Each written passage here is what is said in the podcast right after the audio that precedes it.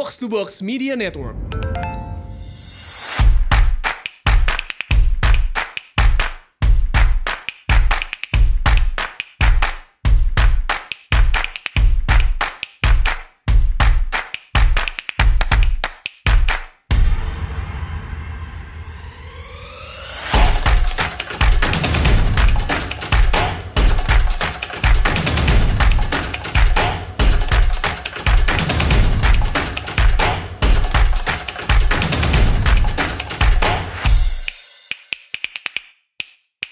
Selamat datang di Asumsi Bersuara bareng saya uh, Rayestu dan ini kali ini saya udah kedatangan uh, Mbak Azriana Rambe Manalu. Ini adalah uh, dia beliau adalah ketua Komnas Perempuan ya. Uh, selamat datang Mbak Mbak Azriana. Uh, makasih banget udah meluangkan waktunya buat uh, bisa ngobrol-ngobrol di sini hari ini. Sama-sama terima kasih juga sudah diundang ke sini. Iya, jadi hari ini tuh kita ada topik bahasan yang yang sangat menarik. Ada dua ada dua hal besar nih sebenarnya yang yang kita mau bahas kali ini uh, dengan Mbak Azriana ini. Yang pertama adalah tentang uh, RUU penghapusan kekerasan seksual. RUU PKS ini yang lagi rame uh, banget. Ada penolakan, ada dukungan dan sebagainya. Dan juga tentang kasusnya uh, Agni yang di UGM ya, penanganannya um, hmm. um, ya agak mengecewakan bagi banyak pihak bagi bagi bagi semua orang harusnya gitu ya. Hmm. Nah, mungkin kita bisa langsung uh, bahas aja nih tentang RUU PKS kan kebetulan RUU PKS ini emang Komnas Perempuan yang me mengajukan dari awal ya untuk masuk um, ke balai um, menyiapkan ya, draftnya. Menyiapkan draftnya. Draft, draft uh. awal uh, kemudian kami serahkan ke DPR hmm. dan draft itu dibahas oleh Badan Legislasi DPR. Hmm Kemudian e, melalui sidang paripurna DPR draft itu dinyat, diadopsi ya diterima sebagai RUU e, inisiatif DPR. Oke. Okay. Oke. Okay, jadi e, dalam hal ini pengaju pengusul RUU penghapusan kekerasan seksual adalah DPR RI. Oke, pengusulnya DPR RI tapi draft awalnya itu dari dari, dari Komnas, Komnas Perempuan. Perempuan dan Forum Pengada Layanan. Oke. Kalau draft yang sekarang draft finalnya dengan yang awal dari Komnas Perempuan uh, ajukan nggak jauh berbeda atau atau sebenarnya udah um, oleh Badan Legislasi beberapa pasal uh, dihilangkan ya, hmm. dipangkas uh, tapi uh, pemangkasan beberapa pasal itu tidak menghilangkan hal-hal yang prinsip ya. Okay. Jadi kami menyebutnya ada enam elemen kunci mm -hmm. yang itu harus dipastikan ada. Mm -hmm. uh, itu masih tetap uh, ada di dalam draft yang sekarang uh, bisa diakses di yeah. webnya DPR RI. Pastikan mengakses draftnya di webnya dpr.go.id iya, ya. Jangan di jangan di uh, apa jangan di medsos yang lain. Iya, ya. karena memang karena banyak banyak yang bohong. Beredar yang abal-abal gitu. Yang hoax ya. Banyak yang hoax. Oke oke. Sebenarnya pengen tahu sih sebenarnya. Uh, saya jujur nggak terlalu banyak paham soal ini. Jadi uh, apa sih sebenarnya yang yang di, diajukan di RUU PKS ini dan bedanya dengan yang udah-udah ada karena contohnya misalnya um, perkosaan atau uh, pelecehan seksual dan sebagainya itu kan udah ada di KUHP ya dari mm. dari zaman Belanda juga udah ada gitu. Nah, mm. tapi apa sih yang yang baru dia diajukan di sini atau apakah hukumannya menjadi lebih berat atau definisinya menjadi lebih lebih uh, bag, apa lebih jelas sebagainya gitu sih apa sih sebenarnya yang baru? Uh, yang pasti RUU ini mencoba uh, menawarkan hal-hal uh, yang dapat mengisi kekosongan hukum uh, yang ada sekarang di dalam KUHP uh, untuk melindungi uh, masyarakat Indonesia dari kekerasan seksual. Hmm. Jadi misalnya kita tahu di KUHP itu kekerasan seksual yang diatur di sana uh, kalau tidak salah tiga ya. Jadi pemerkosaan, hmm. perbuatan cabul, kemudian aborsi, prostitusi, uh, ada sih. Jadi uh, hmm. empat itu diatur, tapi dengan definisi yang sangat terbatas, hmm. yang uh, selama ini uh, menghambat uh, masyarakat Indonesia yang menjadi korban kekerasan uh, seksual, terutama perempuan, untuk hmm. mengakses keadilan. Uh, kita tahu dari hasil pemantauan Komnas Perempuan dalam uh, sepanjang tahun 2001 sampai dengan 2011 ya itu kalau dihitung rata-rata per hari 35 perempuan mengalami kekerasan seksual di 35 Indonesia. 35 per hari. Per hari ya. Jadi kalau kita kalau satu hari itu 24 jam, setiap dua jam tiga perempuan mengalami kekerasan seksual. Itu eh, yang dimaksud kekerasan seksual tuh apa? Eh, yang 35 per hari itu perkosaan 35 per hari? Eh, lebih da- jadi kami menemukan itu ternyata lebih banyak dari empat eh, jenis kekerasan seksual yang dikenal oleh KUHP. Oh, Jadi oke. misalnya eh eh, yang pertama ya itu eh, pelecehan seksual. KUHP tidak mengenal Hmm. Oh nggak ada ya? Di, di. KUHP tuh nggak ada? Di KUHP itu perbuatan cabul. Oke. Nah, perbuatan cabul yang itu definisinya tidak bisa melindungi semua perempuan korban kekerasan seksual. Oke, karena perbuatan cabul bisa aja di, bi- definisi perbuatan cabul tuh bisa aja sama-sama sam- suka sama suka pun masuk Tidak, perbuatan cabul, Tidak, enggak? ya? tidak. kalau kalau suka sama suka tidak eh, eh, tentu tidak di, dikenal sebagai tindak pidana di Ah, dalam ah, ah. KUHP ya. Tapi perbuatan cabul yang di, diatur di dalam KUHP Hmm. itu lebih ditujukan kepada pelecehan seksual eh, yang sifatnya sudah kontak fisik. Oke, oke, Eh, oke. Jadi ada ada sentuhan. Oke, jadi di, di ada KUHP sentuhan. harus ada sentuhan baru itu bisa di diklasifikasi sebagai Iya, dan sentuhan juga sentuhan yang seperti apa gitu. Jadi Oke. ada tindakan yang eh, kalau kita melihatnya itu eh, masa iya sudah sampai segitu baru bisa di di di apa Hmm, disebutkan eh, pencabulan gitu. oke. Dan eh, nah ini yang kemudian sempitnya definisi eh, perbuatan cabul ini yang mengakibatkan banyak tindakan pelecehan seksual itu tidak bisa korbannya tidak bisa me- mendapatkan keadilan. K- kayak gimana Bu misalnya? Misalnya pelecehan seksual yang itu eh, secara verbal, Oke. ya itu itu tidak dikenal di KUHP.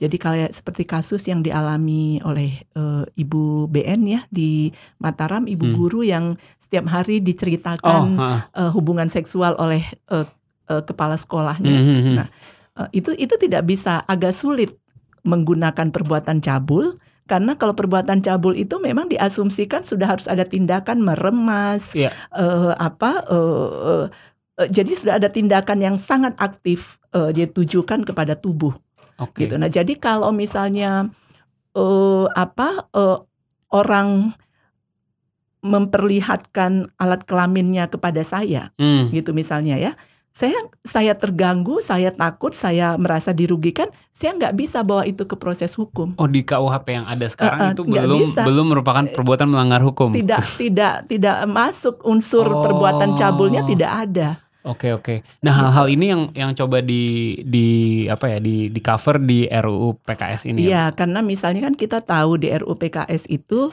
eh, apa selain eh, pelecehan seksual Hmm. itu juga kita mengatur eksploitasi seksual Oke. kemudian pemerkosaan eh, lalu eh, pemaksaan eh, kontrasepsi Oke. eh, pemaksaan eh, perkawinan, pemaksaan aborsi, Iya.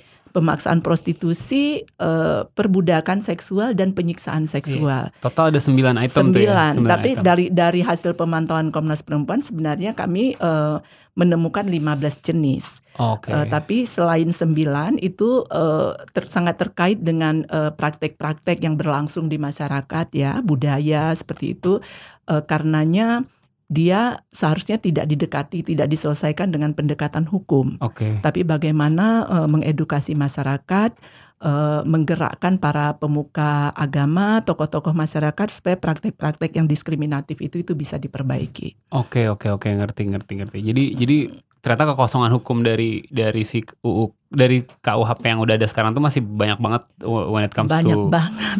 Definisinya sempit sekali ya. Definisi KUHP itu sempit sekali. Sudah yang dikenal itu sangat terbatas. Setiap eh, de- eh, setiap jenis itu juga didefinisikan sangat sempit. Oke. Karena memang kita bisa eh, maklumi sebab di dalam KUHP kekerasan seksual itu kan tidak ada kata kekerasan itu tidak ada di dalam KUHP. Nah, eh, yang kita sebutkan kekerasan-kekerasan seksual ini di dalam KUHP dia diatur di dalam bab tentang kejahatan terhadap kesusilaan, Bukan terhadap bukan terhadap Korbannya, tubuh, iya, Bu. bukan terhadap tubuh. Oke oke. Jadi meskipun yang disasar itu adalah tubuh kita, yang dihancurkan itu integritas diri kita, tapi ukuran kerugiannya adalah rasa kesusilaan masyarakat. Oke. Oh, Oke oke oke. nah, ini menarik. ini fondasi kenapa eh, kita butuh uh, regulasi yang khusus yang bisa melindungi uh, perempuan dari uh, terutama perempuan ya, tapi bukan tentu bukan saja perempuan yang bisa melindungi rakyat Indonesia, masyarakat Indonesia dari kekerasan seksual. I see, I see, I see. Nah, yang yang menarik juga ini kan sebenarnya udah agak lama ya di pertama diajukan ya oleh 2016 diajukan. 2016. Oh, pertama 2016. Tapi ini baru rame banget, bener-bener baru rame kayak dua sebulan terakhir lah gitu. Iya, Kenapa ya? Iya, um, bisa jadi uh, karena di 8 Desember uh, akhir tahun lalu ya. Hmm. Itu kan masyarakat yang uh, turun menyuarakan mendesak DPR RI dan pemerintah untuk segera membahas dan mensahkan RUU penghapusan kekerasan seksual ini kan uh, cukup banyak ya. Hmm. Jadi bahkan kami sendiri tidak uh, menyangka akan sebanyak itu. Jadi uh, tapi buat kita ini uh, menunjukkan juga bagaimana uh, masyarakat sudah sangat butuh RUU okay. ini bisa bisa segera ada karena kita hampir setiap hari kan terpapar dengan kasus-kasus kekerasan seksual yang okay. di di apa di dimuat di berbagai media gitu bahkan ada yang sudah sangat biadab seperti hmm. itu jadi uh, masyarakat nggak bisa menunggu lagi okay. sebenarnya. Ini udah masuk prolegnas berarti ya? Sudah, sudah. dia sudah prolegnas uh, prioritas itu sejak tahun 2017. Oh, tapi nggak pernah kejadian? Belum, ya, belum. Emang, jadi pembahasannya belum terjadi sampai sekarang. Ya emang tapi kan DPR kita setahun lima undang-undang aja belum tentu bisa sah ya. nah apa uh, katanya menjadi sangat urgent sekarang juga karena kalau udah DPR yang baru itu jadi ngulang dari awal lagi apakah benar jadi bisa masuk, jadi harus... bisa jadi jadi juga saya rasa karena ini yang yang menolak juga sangat ingin supaya nah. itu tidak dibahas pada tahun ini okay. yang mendukung juga sangat ingin itu dibahas pada tahun ini Oke, okay. nah kita penting banget untuk bahas tentang penolakan penolakannya terhadap hmm. si um, RUU PKS ini karena ada yang ada penolakan yang sama sekali nggak berdasar, ada hmm. penolakan yang masih masih ngelihat draft yang bener lah gitu. Jadi kan hmm. kalau tadi sempat kita kita sentuh ada banyak hoax-hoax yang beredar gitu. Iya. UU-nya nggak bilang itu sebenarnya tapi di di broadcast broadcastnya RUU-nya RUU-nya udah bilang hmm. udah bilang gitu. Lalu di iya. di apa di uh, persepsikan uh, RUU PKS ini pro zina, pro LGBT segalanya. Padahal kalau saya baca draft fullnya sih nggak ada nggak ada bahas nggak ada bahas itu semua sih. Itu iya. itu gimana sih awalnya kemarin tuh kenapa Iya, tiba-tiba rame. Iya, itu yang yang kita sayangkan ya, rame tapi bohong gitu. Sebenarnya kalau rame tidak tidak uh, fitnah hmm. gitu ya, itu tidak apa-apa sih Justru gitu ya. bisa dibahas bareng jadi, uh, jadi bisa orang berbeda iya. pandangan yeah. itu kan biasa, yeah. tapi sepanjang informasi yang disajikan itu bukan bohong. Yeah. Gitu nah, yang bohong ini yang sebenarnya kita kita sayangkan. Jadi seperti saya sampaikan tadi bisa jadi kelompok-kelompok yang merasa terganggu dengan adanya aturan, adanya undang-undang yang melindungi masyarakat Indonesia dari kekerasan seksual ini, itu mulai merasa apa ya, uh, dia harus mulai semakin merasa uh, terancam gitu hmm. dengan uh, turunnya sejumlah masa yeah. mendesak pemerintah dan DPR untuk uh, segera membahas dan mensahkan RUU penghapusan kekerasan seksual.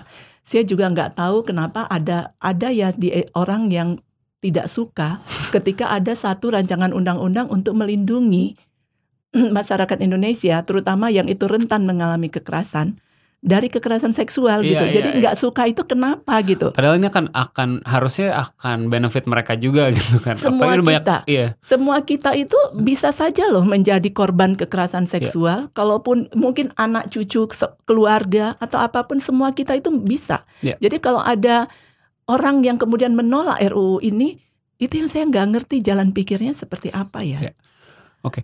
kalau yang uh, penolakan yang agak agak berdasar dikit lah, walaupun nggak berdasar-berdasar banget. Ini salah satunya adalah uh, yang di DPR nih dari dari fraksi PKS kan mm -hmm. dia menolak ya. Mm -hmm. um, apa ada beberapa poin nih. Salah mm -hmm. satunya yang menurut saya agak agak menarik untuk kita bahas adalah tentang definisinya pelecehan seksual. Di sini kan didefinisikan tindakan fisik atau non fisik mm -hmm. kepada orang lain yang berhubungan mm -hmm. dengan bagian tubuh seseorang dan terkait hasrat seksual mm -hmm. sehingga mengakibatkan orang lain terintimidasi, terhina, direndahkan mm -hmm. atau dipermalukan. Mm -hmm. Nah, uh, menurut mereka ini definisi nggak jelas gitu dan bisa berakses pada tafsir sepihak dan digunakan untuk mengkriminalisasi orang. Karena kalau kalau saya saya sendiri baca ini gitu kan sebenarnya uh, ke, kejadian non fisik, kalau fisik kita nggak usah nggak usah inilah ya. Kalau kejadian non fisik misalnya berarti bisa verbal atau mm -hmm. bisa uh, pandangan misalnya, mm -hmm. uh, lalu mengakibatkan orang lain merasa terhina, itu uh, subjektif banget nggak sih sebenarnya menurut menurut Ya, eh, kalau menurut kami itu sudah sangat jelas ya. Ah, Tindakan fisik non fisik kan jelas. Ah. Karena ka- ketika kita eh, merumuskan tindakan kekerasan seksual itu menjadi sebuah eh, regulasi, Hmm. apalagi dia eh, kemudian dimaksudkan untuk pemidanaan gitu ya, untuk eh, penegakan hu- untuk hukum sebagai apa eh, aturan hukum, tentu dia nggak boleh multitafsir. betul betul. Iya kan? Nah, jadi tindakan fisik non fisik itu kan jelas. Mm-mm. Ya, fisik sasarannya kepada fisik, non fisik tanpa eh, kontak fisik. Iya. Nah, kenapa kemudian berkaitan dengan hasrat seksual harus muncul di situ? Karena yang tidak berkaitan dengan hasrat seksual itu bukan pelecehan seksual. Oke. Jadi misalnya nih, saya mau eh, lewat, ada orang menutupi jalan saya, Hmm. terus saya sentuh dia, geser dong, Iya. saya bilang. Itu nggak bisa dong dibilang eh, itu bukan pelecehan, Pelecehan seksual. walaupun ada walaupun ada Walaupun ada fisik. sentuhan gitu. Oke. Nah, oke. tapi yang mana yang pelecehan seksual? Dia punya muatan hasrat seksual di dalamnya. Oke oke ngerti ngerti ngerti. Jadi menurut saya ini justru untuk membedakan supaya nggak semua sentuhan dianggap eh, pelecehan seperti itu, supaya nggak semua apa ya, misalnya nggak semua kata-kata misalnya pujian atau celaan yang disampaikan itu dianggap pelecehan seksual.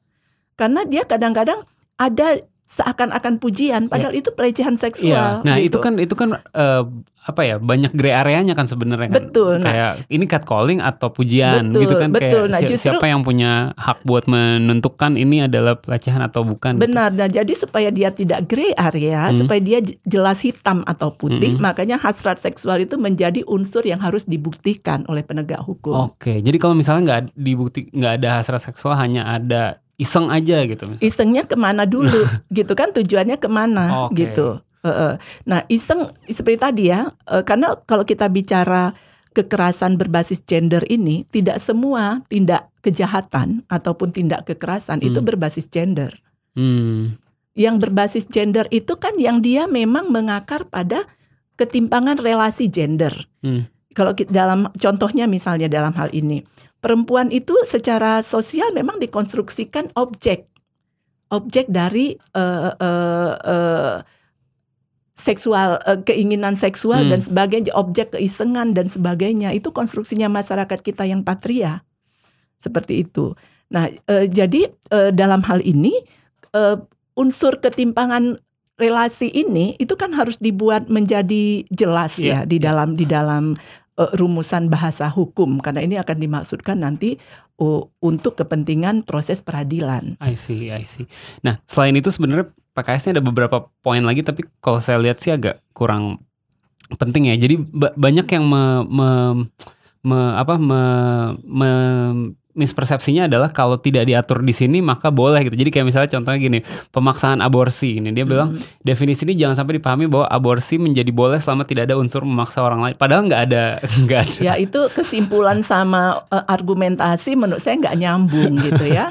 Eh, jadi kenapa eh, kenapa eh, yang tidak dipaksa tidak diatur di sini itu Iya. sudah diatur dalam KUHP. Betul, betul, betul. Ya, jadi ini kan undang-undang ini bersifat khusus yang tidak diatur dalam KUHP dan dia dibutuhkan untuk ada pengaturannya, dia diatur di di undang-undang yang khusus ini. Yang sudah ada tidak perlu lagi. Ya, Karena ya, kan undang-undang ini tidak akan digunakan secara sendiri juga. ya. Dalam semua proses penegakan hukum, semua undang-undang yang punya cantolan itu akan Ya, ya. akan digunakan Ya. kan? Kalau saya sih ngeliatnya ini ini kayak caranya mereka aja buat bisa terlihat menolak Ya. undang-undang yang di masyarakat dipersepsikan Benar. sebagai ya tadi pro zina, pro LGBT. Nah, mereka kalau- cari cara aja. Iya, karena mungkin mereka nggak menemukan ada rumusan yang pro zina dan pro LGBT itu. Hmm. Iya, Jadi, iya. Makanya saya kalau media nanya ke saya benar ya Bu, itu undang-undang eh, apa rancangan undang-undang penghapusan kekerasan seksual itu pro zina, pro LGBT. Yang saya tanya ke medianya pertama sekali sudah baca draftnya belum? Iya, Itu yang saya tanya pertama sekali. iya, karena kalau belum belum baca kan kita hanya hanya dengar dari yang ada di beredar Iya. di mana-mana Iya. gitu kan. Iya. Iya, iya. Iya, itu itu satu pembahasan menarik tentang si RUU PKS. Mungkin yang lagi rame juga yang saya yang kita mau bahas nih sama sama Mbak Azriana kebetulan adalah tentang kasus eh, Agni dan HS yang di yang di UGM itu. Hmm. Kemarin baru rame lagi karena katanya ada eh, rekonsiliasi ya. Eh, UGM menyebutnya damai tapi katanya Agninya juga pihak pengacaranya Agni nggak bilang mereka damai sih. Tapi mungkin kita bisa agak runut dari dari awal gitu kan. Jadi em, banyak banget orang dan ya semua orang sih harusnya yang kecewa dengan uh, bagaimana handling kasus ini gitu dari Iya. awal gitu kan. Jadi jadi ini kasus pemerkosaan terjadi pada saat KKN terus akhirnya justru Agninya yang dapat nilai C terus akhirnya si HS-nya bisa lulus-lulus aja walaupun akhirnya sekarang masih di ditangguhkan gitu kan. Tapi ya UGM-nya seperti nggak seperti nggak berpihak pada pada korban di sini ya. Atau Iya. gimana?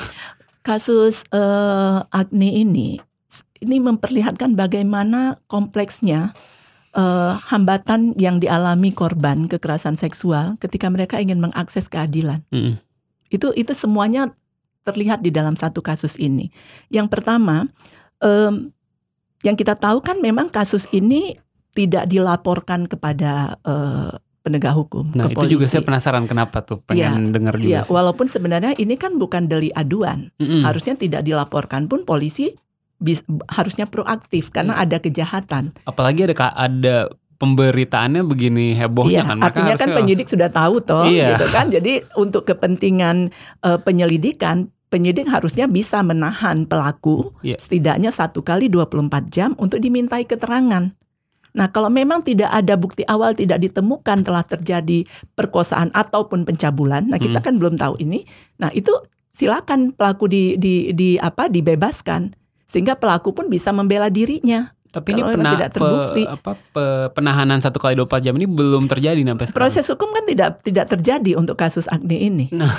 Ini kan yang terjadi adalah proses penanganan di institusi pendidikannya, Iya, iya. iya kan? Nah, tapi proses hukumnya tidak terjadi. Sama Jadi, sekali nggak terjadi. Tidak terjadi. Jadi saya rasa apa pun penyelesaian yang sudah dilakukan diambil oleh institusi oleh UGM itu tidak akan menghentikan proses hukum seharusnya. Jadi walaupun misalnya udah udah rekonsiliasi, misalnya udah ya katanya misalnya udah saling memaafkan, nggak tahu lah misal misalnya itu terjadi, itu nggak menghalangi tidak polisi menghalangi untuk eh, memulai tidak tidak. Jadi kalau memang itu eh, itu ya paling bisa digunakan oleh eh, terdakwa untuk hal-hal eh, yang meringankan dia nanti dia bisa gunakan itu sebagai bukti bahwa dia sudah melakukan hal-hal yang dapat meringankan hukumannya Hmm. Tapi ini jalan yang dilalui Agni ini terjal sekali deh. Sampai sekarang pun belum belum Iya kita bisa saya bisa memahami ya bagaimana melelahkannya proses ini untuk Agni Hmm. ya em, belum lagi malah dia belum masuk ke proses hukum. Hmm. Jadi dia belum berhadapan dengan proses peradilan yang bisa memviktimisasi dia. Kayak gimana Bu misalnya memviktimisasi? Misal lewat lewat pertanyaan penyidik Hmm. untuk membuktikan kalau dia meng- mengatakan saya diperkosa. Hmm. Nah, penyidik itu akan membuktikan perkosaan itu dengan merujuk kepada definisi dalam KUHP. Oke. Yang utama adalah ada paksaan, yang itu harus dilihat dari tanda-tanda fisik. Nah, kalau udah KKN-nya tahun lalu sekarang Udah baru ada dilaporkan, tanda-tandanya. pastilah kalau di visum tanda-tanda fisik itu sudah tidak kelihatan tanda-tanda paksaan. Yang terakhir adalah misalnya eh, paksaan lagi yang terakhir yang bisa dilihat robekan di di di di ini di eh, vagina. Nah, itu kalau sudah eh, hanya itu yang mau disasar, kalau tidak ada robekan, Tapi Terus- padahal kan paksaan kan belum tentu belum tentu paksaannya. Maksud saya sebenarnya bisa aja yang terjadi di- ini belum tentu kasus Agni, maksud kasus lain pun bisa aja paksaannya misalnya orang eh, bawa pisau gitu kan. Nah, kan nggak akan ada ancaman itu tidak beda. dikenalnya gitu. Jadi nah Oh. kenapa RUU penghapusan kekerasan seksual ini perlu ada supaya ancaman-ancaman seperti itu Oke. itu bisa dijadikan bukti Oke. bahwa telah terjadi pemaksaan. Iya. Bahkan dalam RUU ini ketika kita bicara ketimpangan relasi kuasa tidak selalu harus pakai pisau loh. Mm-mm. Jadi ketika misalnya kalau kamu nggak mau dengan saya ya udah saya tinggalkan aja. Kalau kamu nggak mau hubungan seksual kita putus aja. Eh, berarti kamu nggak cinta. Mm. Nah, jadi em, itu juga menurut kita bujuk rayu sehingga orang yang dibujuk itu tidak bisa eh, menolak secara bebas, gitu ya. Itu sudah masuk pemaksaan. Ini jadi menarik. Jadi kalau misalnya nanti udah udah udah lolos ini RUU PKS, hal seperti tadi misalnya eh, so- eh, pacarnya minta Mm-mm. ayo lakukan kalau Mm-mm. enggak saya akan tinggalkan. Mm-mm. Itu udah mau udah merupakan itu pidana. itu pi- itu sudah unsur pemaksaan sudah terpenuhi. Unsur sudah terpenuhi. udah terpenuhi. Ya, jadi polisi penyidik ya tidak perlu harus tanya kamu nyaman nggak waktu Hmm. diperkosa. Itu Nggak banyak kayak nanya, terjadi pertanyaan kayak gitu. beberapa waktu yang lalu kita rame kita protes Kapolri karena Kapolri menyampaikan eh, untuk membuktikan perkosaan penyidik bertanya se- seperti itu. Ya. Nah, kita bisa maklumi karena yang hukum kita memang mengharuskan eh, dibuktikan pemaksaannya. Iya, Nah, definisi pemaksaan itu adalah yang fisik. fisik seperti tadi. Makanya Wah, akhirnya penegak hukumnya penyidiknya harus tanya. Oke, oke. oke. Karena dia harus membuktikan pemaksaan kan. Nah, jadi inilah kenapa kadang-kadang sekarang ini persoalan hambatan akses keadilan eh, korban kekerasan seksual tidak sema, sekedar di perspektif dari penegak di perspektif penegak hukumnya ya, perspektif gender penegak hukumnya yang masih eh, eh, apa minim, tapi juga regulasinya juga nggak Hmm. Oke, oke, oke. Jadi itu makanya kemarin pas saya baca eh, kenapa eh, ditempuh jalan rekonsiliasi ini karena eh, itu yang paling katanya di oleh pengacaranya Agni dibilang ini yang paling meminimalisir eh, resiko untuk Agninya sendiri. Nah itu kan terus membuat saya berpikir emang ada ada resiko apa kalau dia dia menyempuh jalur hukum ternyata tadi itu ya malah malah bisa traumatizing banget ke. Saya kita nggak tahu persis ya, eh, tapi yang kami juga di di Komnas Perempuan mengikuti kasus ini dari berita-berita media ya Hmm. karena korban sendiri tidak membuat pengaduan ke Komnas Perempuan Ah, ah, ah, gitu. Nah kita melihat kalau unsur perkosaan tidak terpenuhi, harusnya perbuatan cabul terpenuhi. Hmm. Nah, gitu. Jadi em, ini yang kita sayangkan ya. eh, tapi meskipun kita bisa pahami bagaimana proses ini melelahkan bagi korbannya, jika kemudian dia ingin berhenti, ya dia ingin berhenti dari proses yang melelahkan ini, harusnya kita semua mendukung. Tapi seperti tadi, dengan urusan dengan dengan dengan korban mungkin bisa selesai, dengan urusan dengan hukum Pelaku kan belum beda lagi. selesai. Iya, Ur- urusan pelaku dengan hukum kan belum selesai. Jadi sebenarnya walaupun ya kita masih ada ada harapan lah ya bahwa ke- keadilan bisa tercapai gitu kalau misalnya nanti pe, apa penegak hukum mau lebih serius lagi me, Nah, dengan kondisi regulasi yang ada sekarang bisa jadi tidak sepenuhnya keadilan itu dicapai oleh korban. Seperti tadi saya sampaikan ya, bisa aja kemudian korbannya justru berhadapan dengan proses peradilan yang me- mereviktimisasi dia. Itu Iya. bisa jadi. Nah, mungkin juga ini sudah di sudah dikomunikasikan oleh penasihat hukumnya kepada korban ya. Hmm. Tapi yang kita kenapa proses hukum harus tetap jalan supaya tidak ada impunitas. Iya. Ya, tidak ada impunitas untuk pelaku karena kalau tidak pelaku akan melakukan lagi kepada perempuan yang lain. dan belum tentu pelaku aja orang lain bisa melihat Orang ini lain juga kayak, oh, ya ternyata, oh ternyata tidak tidak masalah Iya. gitu. Oke oke. Ini sebenarnya udah udah sedikit banyak menjawab pertanyaan saya itu untuk menggabungkan eh, dua bahasan ini adalah kalau si RUU PKS ini misalnya eh, kita bicara hipotetikal udah udah Disahkan. disahkan dari dua tahun yang lalu misalnya. Apa proses proses peradilan atau pro- proses yang dihadapi oleh orang seperti eh, Mbak Agni ini bagaimana bisa berbeda gitu? Mungkin akan lebih mudah untuk korban mengakses keadilan. Mhm. Karena RUU ini kan mengatur soal pembuktian. Buk- Dia kan em, ada bab tentang hukum acara. Oke. di mana di dalamnya untuk membuktikan itu tidak sebatas eh, alat bukti yang ada di dalam KUHAP. Oke. Jadi misalnya di RUU ini eh, eh, eh, bukti itu misalnya ya eh, bisa secara telekonferensi seperti itu. Eh, terus ada beberapa terobosan yang di, di- disampaikan dalam dalam eh, eh, pembuktiannya. Salah satu adalah keterangan eh, saksi korban. Itu Mhm. jadi eh, cukup didukung dengan satu alat bukti lainnya. Oke. Ya, jadi kalau misalnya saksi korban hanya ada keterangan dia dan kemudian hasil visum itu sudah cukup. Jadi kita coba mengadopsi eh, aturan pembuktian yang ada di dalam Undang-Undang Penghapusan KDRT. Oke. Ya, eh, itu dan ada sejumlah eh, kemudian juga eh, hasil visum et psikiatrikum yang Hmm, untuk mengetahui dampak psikologis dari dari satu tindak kekerasan seksual itu juga alat bukti. Tadinya enggak?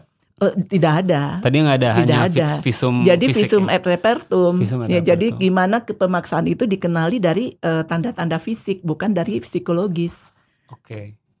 Oke, oke, oke.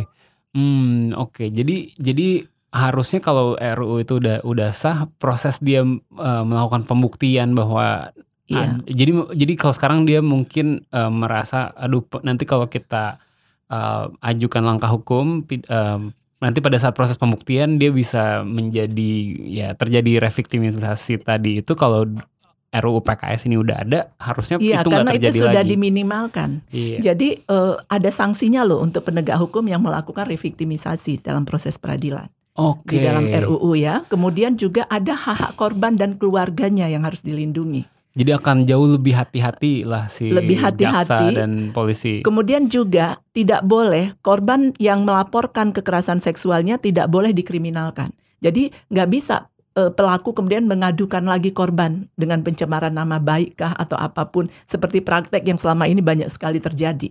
Oke, nah itu ini menjadi menarik nih. Mungkin terakhir saya mau bahas ini. Um, lalu bagaimana dengan um, dengan misalnya tuduhan yang yang memang nggak berdasar gitu? Karena Hmm. ya ada aja kan pasti satu nggak tahu lah uh, di mana. Tapi misalnya pasti ada aja satu dua kasus di mana tuduhannya misalnya uh, bis nggak nggak nggak benar atau misalnya salah orang atau gimana gitu. Mm, mm, mm. Itu uh, gimana dong kalau kalau menjadi tertuduh padahal misalnya Dia sedang memperjuangkan keadilan. Iya, dia, pad- iya. padahal misalnya si si orang yang dituduh itu mm, mm. bukan either bukan dia atau atau dia difitnah atau apa orang bagaimana? yang dituduh melakukan. Ah, ah.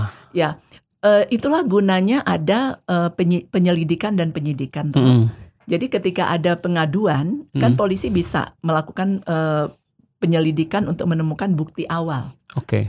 Nah, kalau memang tidak tidak bukti awal itu tidak bisa ditemukan, ya tentu orang harus dibebaskan. Tapi Cuma- dia tidak bisa me- me- menu- menuntut balik kayak ke Nah, ya, ini nah itu kan. kalau di dalam RUU itu tidak bisa menuntut Iya. balik seperti itu. Kayak kalau mau menuntut balik ke polisi gitu. Kenapa dia me, ini ke saya? Bukan gitu. ya? Ya artinya kalau dia tidak terbukti ya nama baiknya kan akan dipulihkan. Iya. Ya kan, nama Oke. baiknya akan dan terbukti misalnya kalau bukti awal tidak ditemukan berarti kan pen- penye- penyelidikan dihentikan. Mm-mm. Jadi tidak ada ke- eh, tidak ada tindak pidana. Tapi kalau kemudian bukti awal ada, itu kan polisi berkewajiban untuk meneruskan ke dakwaan dan kemudian eh, jaksa penuntut umum meneruskan ke persidangan. Oke, oke, oke. Em, makasih banget nih Mbak Azriana kebetulan waktunya udah habis iya. sudah kita udah 30 menit nih nggak terasa. Iya nggak terasa Ah, karena diskusi. bahasannya terlalu Iya. serius dan ini memang eh, isu yang terlalu isu yang nggak sederhana. Iya, gitu iya, ya. iya, iya. Ya, moga-moga banget eh, yang dengerin podcast ini langsung pada at least ada rasa pengen tahu lihat draftnya sendiri kayak apa sih sebenarnya yang Iya. jadi diatur dan bagaimana ini bisa mem, eh, apa impact ke, ke mereka semua gitu. Iya kan. dan kami juga eh, berharap dan kami menu- eh, kami melihat ya hal yang yang positif dari pro kontra ini Hmm. masyarakat jadi mulai banyak belajar tentang Iya. kekerasan seksual. Iya, iya, jadi iya. ingin tahu dan belajar itu sangat penting. Oke oke, makasih banget eh, juga buat yang udah dengerin semua. Eh, terima kasih udah dengerin Asumsi Bersuara. Eh, seperti biasa follow Asumsiko, follow Box to Box ID. Em, pastiin di Spotify, di Apple Podcast semua kasih review, kasih rating supaya kita bisa eh, makin banyak lagi yang bisa dengerin. Sampai jumpa lagi di edisi berikutnya Selasa depan. Sampai jumpa.